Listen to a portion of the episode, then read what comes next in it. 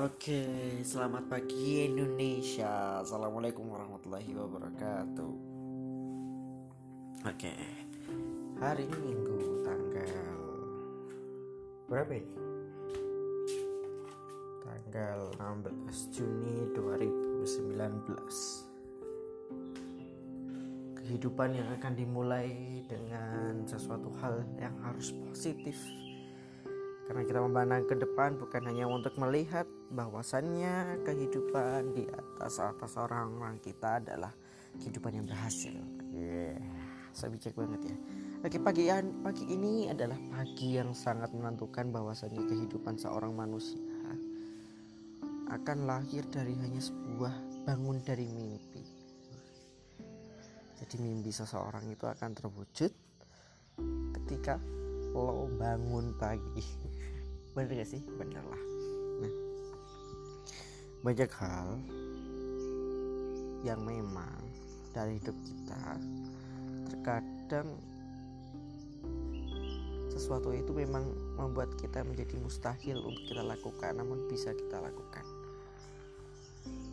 Ada banyak hal yang memang sering kita lakukan yang terkadang kita membuat sakit orang lain tanpa kita sadari. Example, kata teman gue ini, seorang psikolog, ya calon psikolog di mahasiswa Universitas Negeri Semarang, ya walaupun psikolognya masih belum hebat-hebat banget dan fakultasnya juga bukan fakultas yang hebat banget juga, tapi ini mempelajarinya dengan concern yang sangat kuat bahwasannya one day jika kita menjadi seorang manusia dan memiliki sahabat ya tidak luput dari segala rasa resah kita terhadap rasa perpisahan. Karena dia menemukan fakta bahwasannya ada yang namanya perbedaan cinta dan kasih sayang.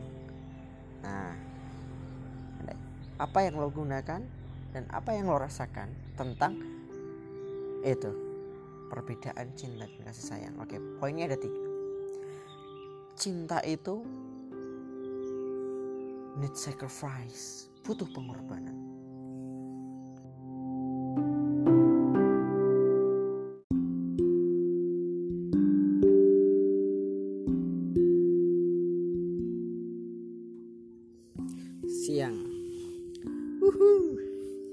siang yang begitu menyengat dengan panas yang tiada henti. Karena tadi baru membantu tetangga mengurus sinoman. Jadi koordinator repek-repek tadi. Begitulah kehidupan bersosial di tengah-tengah masyarakat yang plural. Dan untungnya uh, isu agama di nah, tempat tinggal saya itu masih kuat dengan satu agama. Jadi menurut saya salah satu kelebihan buat saya sendiri saya tidak perlu belajar untuk bersosialisasi dengan agama lain. Namun itu sangat perlu karena saya juga harus begitu di hidup di Indonesia ya harus ya berhubungan masyarakat dengan agama yang lain. Saya pernah membaca suatu buku artikel Suara Muhammadiyah. Di situ dijelaskan bahwasannya ada namanya uh, seorang tokoh Muhammadiyah yang sangat saya kagumi karena bukan karena dia di Muhammadiyahnya, tapi dia salah satu pengarang sastra yang ada di Muhammadiyah. Dia adalah pengarang sastra pada era Pujangga Baru, namanya Haji Abdul Malik Karim Amrullah atau bisa disebut dengan Buya Hamka. Menurut saya karya-karyanya cukup fenomenal pada saat itu karena dia mengkritik tentang kehidupan sosial, budaya, adat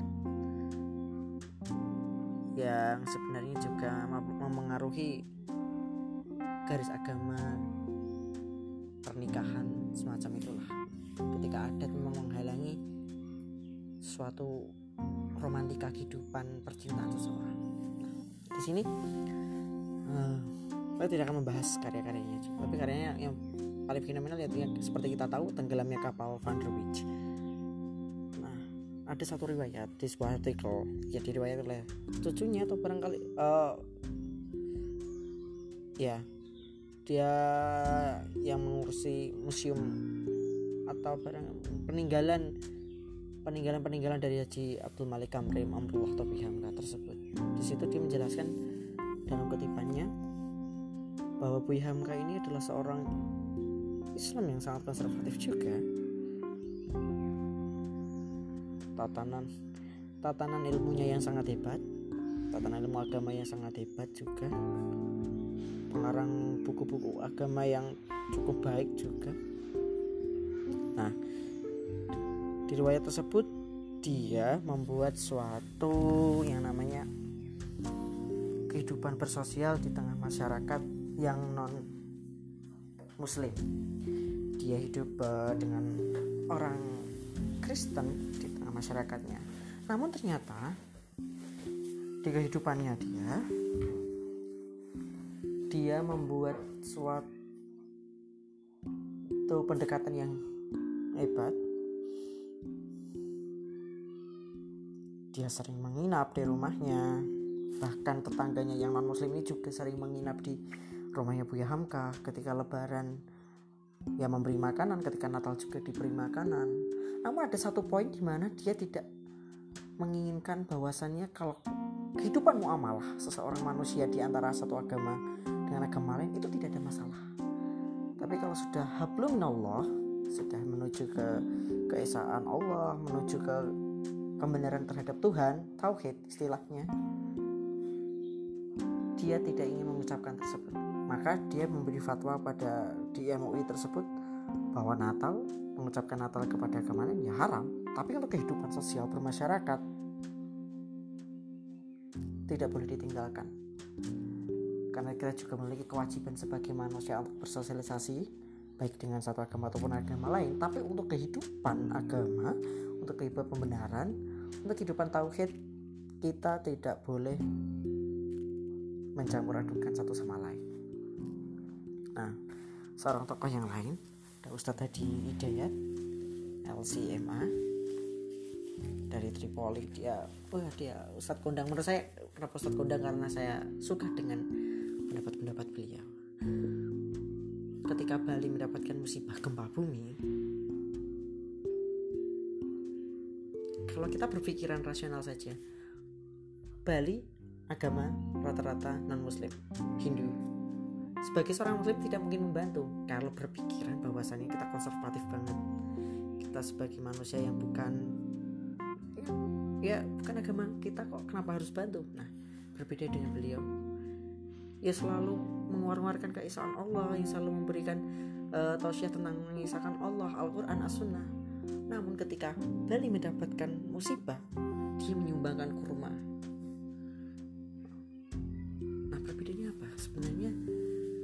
Cukup uh, hidup bertoleransi di tengah-tengah masyarakat ini seperti salah sangka. Dan kita membuat orang yang tidak bertoleransi dianggap tidak toleransi. Nah, ketika kita tidak menghargai orang yang bertoleransi, yang kita ketika kita menghargai orang yang ketika kita tidak menghargai orang yang tidak bertoleransi otomatis kita juga tidak bertoleransi juga karena kita tidak bisa bersepakat dengan pendapat dia sebagai manusia namanya toleransi itu ada timbang tindih di tengah-tengah masyarakat Indonesia bahwasanya ya toleransi ya toleransi bagiku agamaku bagimu agama urusanmu ya urusanmu tapi untuk kehidupan bermasyarakat sosial, kemanusiaan. Kita tidak boleh saling melupakan. Kita harus saling tolong menolong. Seperti itu. Nah, toleransi karena saya itu sebenarnya resah sekali dengan apa ya? Ya kehidupan di Indonesia saat ini.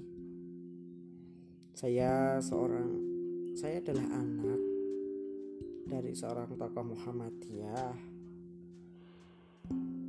dia guru bapak saya adalah guru pendidikan agama Islam sedangkan saya ini adalah guru pendidikan bahasa Indonesia dan juga lulusan Universitas Muhammadiyah Surakarta dan kebetulan mengajar juga di instansi Muhammadiyah. Nah, akan tumpang tindih ini karena saya mengajar di Solo, saya karena saya tinggal di sebuah kontrakan, ya sebenarnya rumah teman saya pakai seperti itu. Tetangga saya itu rata-rata adalah non Muslim rata-rata non Muslim. Namun non Muslim ini malahan yang sering bersosialisasi di luar terhadap agama lain. Karena saya sempat takjub ketika kemarin lebaran saya diucapkan uh, saya diberi ucapan lahir batin ya maaf lahir dan batin ya. Ada sesuatu yang menjanggal di hati saya. Mereka bebas mengatakan seperti itu. Oke maaf lahir dan batin ya tapi saya takutnya kalau mereka menagih balik selamat Natal ketika uh, hari Natal tiba kepada mereka. Tapi ketika dia kalau semisal mereka mengucapkan ya kalau semisal mereka menginginkan ucapan ya maaf lahir batin juga ketika Natal saya tidak masalah. Karena ini adalah perkara tentang kehidupan sosial lahir dan batin. Mohon maaf lahir dan batin ini adalah kehidupan bermaaf-maafan di antara manusia. Tapi kalau mengucapkan selamat Natal sekali bagaimana ya? Ya ada memang akan menjadi suatu hal yang akan menjadi suatu hal yang star sih simpangan antara pikiran dan hati juga.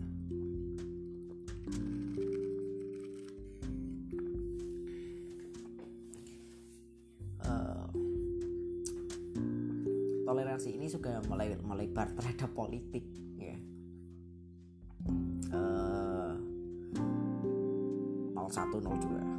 ini sudah selesai tapi menurut saya toleransi belum selesai di sini. Perkara toleransi memang ya menurut saya it's all about saling membenarkan diri. Aneh ya.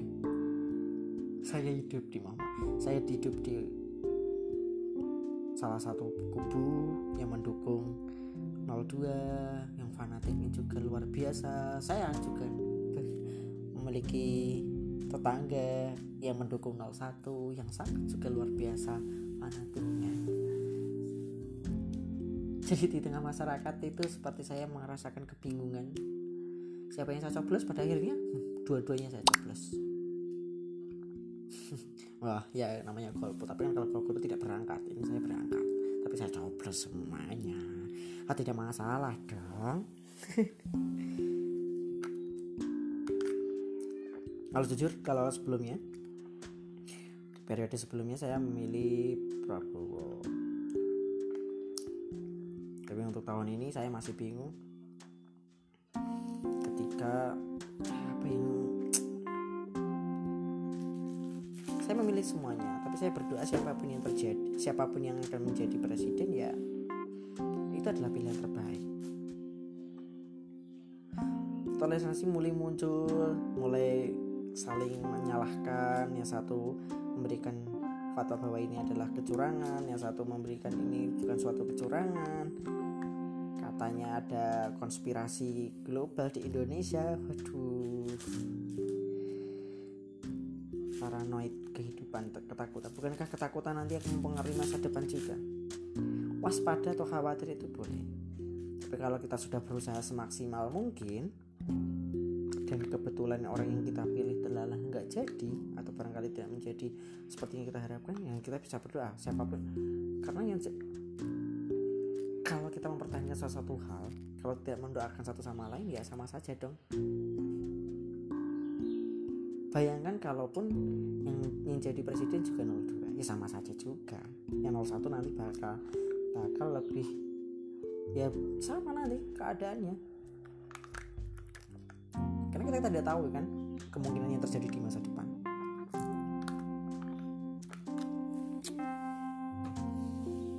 Saya no problem tentang politik. Dan anehnya juga sekarang di Indonesia itu kebebasan berekspresi dan bertutur mengungkapkan apa pun yang terjadi. Mengungkapkan apa yang diresahkan kejujuran diutamakan. Kebebasan berbicara yes no problem. Terserah sih mau bebas berbicara. Jadi juga ada konsekuensi bahwa kita juga bebas untuk tidak mendengarkan juga kan. Kenapa? Kenapa kalau ada kebebasan berbicara kita harus mendengarkan? Jika tidak juga dong. Keterampilan berbahasa itu ada empat.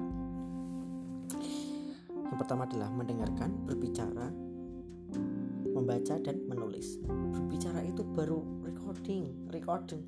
Dia itu mengungkapkan apa yang ada di pikirannya. Sedangkan menyimak itu pertama kali mendengar itu pertama kali. So kalau mereka berbicara bebas berbicara terhadap kita kita tidak mau mendengarkan ya sudah. Itu bukan masalah kita juga kan? Jadi kalau mereka mengatakan memberikan kata-kata yang sangat jujur yang ternyata menyakitkan hati ya tinggal hati kita kuat atau tidak kalau tidak kuat tidak usah didengarkan. Yang benci yang, yang ber, memiliki fatwa kebebasan berekspresi ya sudah. Asal tidak merugikan orang lain. Dan seperti itu. Bukankah manusia itu saling menasihati? Kebebasan berekspresi dan bertutur itu untuk mengungkapkan kebaikan kepada orang lain bukan keburukan orang lain ya serba salah juga sih. Tapi ya saya sebagai manusia ini saya cuma menuturkan apa yang saya rasakan. Terserah tadi ada pembicaraan bahwa saya juga memiliki kebebasan berekspresi dan kebebasan berbicara tapi kalian juga memiliki kebebasan untuk tidak mendengarkan. Tapi untuk fame oh, tolong didengarkan lah. Ya. tolong didengarkan.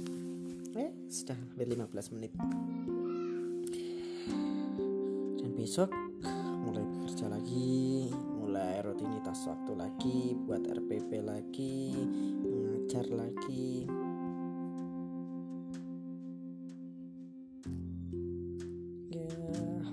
Concern dengan pendidikan Indonesia juga sih. Jangan salahkan pendidikan di Indonesia jika kamu tidak ingin mengubahnya juga. Kalau kamu ingin mengubah sistem kamu harus ikut sistem terlebih dahulu dan mengotak atiknya bukan dari luar itu pendapat saya. Silahkan didengarkan ataupun tidak. Seperti itu. Terima kasih. Lain kali kita akan buat konten tentang puisi. Barangkali yang nanti malam mau tidur saya bacakan puisi yang menyayat hati atau mengungkapkan kenangan-kenangan masa lalu. Ya alay. Atau barangkali curhatan hidup saya tentang ya karena ada sesuatu hal yang menarik menurut saya kehidupan saya itu dan saya harus share ya. Karena teman-teman saya jarang ketemu jadi saya tidak bisa share terhadap mereka juga. Butuh pendengar yang setia juga dari orang-orang lain. Begitulah kehidupan saya. Terima kasih. Wassalamualaikum warahmatullahi wabarakatuh